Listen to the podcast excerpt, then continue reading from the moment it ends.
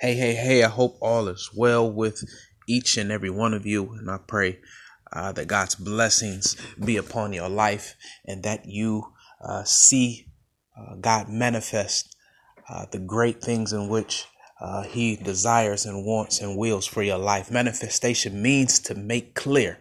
So I pray to God that everything that uh, God wants for you is made clear and is presented and released to you in such a way that you uh, not only when God makes it clear, I want you to be thankful and have an attitude of gratitude when God gives it to you. Listen, uh, simply want to just get on uh, for a few moments um, as today is the day that the world stops and recognizes a great icon, a legendary, uh, and legendary, legendary man of God uh, in the likes of Martin Luther King Jr., who um, lived a life and walked a walk that sought after justice, unity, peace, equality.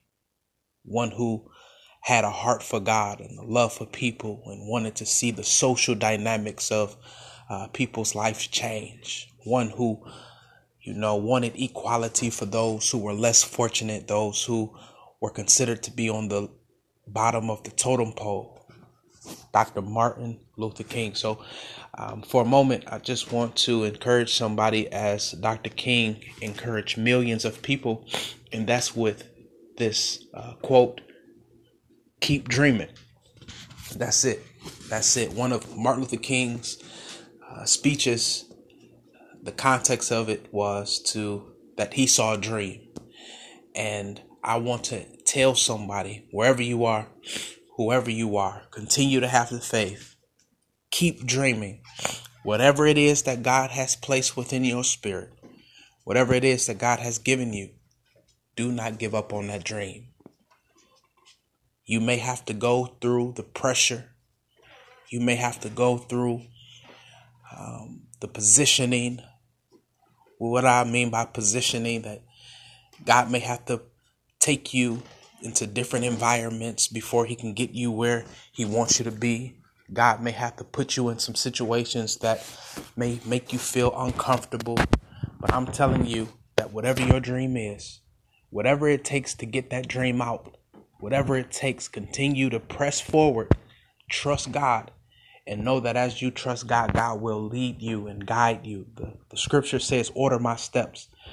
And it is to say that when you begin to have purpose, find purpose, live out your dream, God will begin to usher you into different uh, seasons of your life. And therefore, in those seasons, He takes you to different places. Therefore, you may, where you are right now, He may transition you to be in a different place. And from that place, He may transition you to go into another place. And, and all of this is what God does in order to prepare you and to continue to push the dream that He placed within you out of you. Keep dreaming.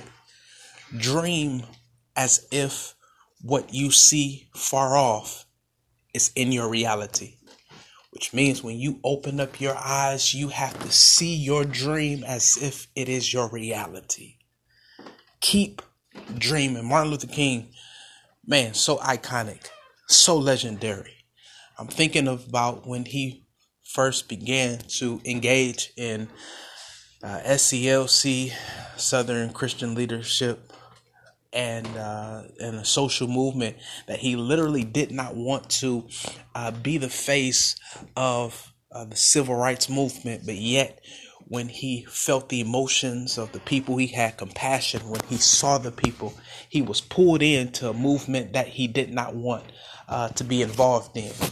And yet, I thank God, I praise God for his obedience to just follow the purpose in which God uh, called him to.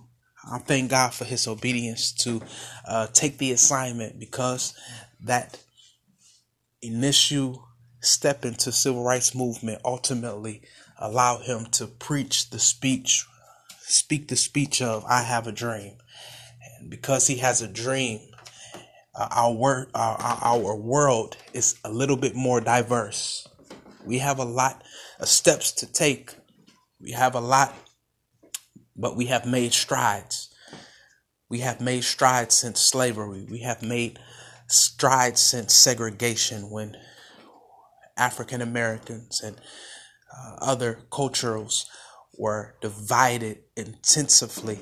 But yet, now as we are entering into 2020 and are in 2020, a new decade, we have we can see uh, that Martin Luther King's speech is still living on and that we have made drastic measures to shape and change the world in such a way that African Americans all over the world are increasing in value, are more um, conscious of their value to this world.